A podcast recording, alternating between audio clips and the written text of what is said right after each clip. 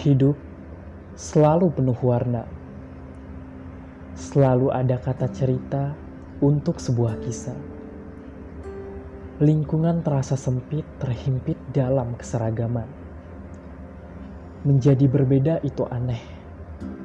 Ada banyak mata melotot tajam penuh dengan ancaman dan juga hinaan.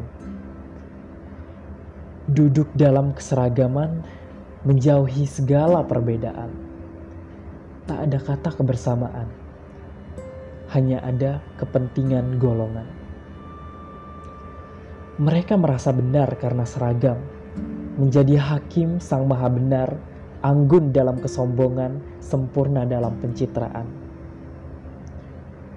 Dunia berubah seperti neraka, menjelma dalam kebencian atas perbedaan dalam sebuah kehidupan.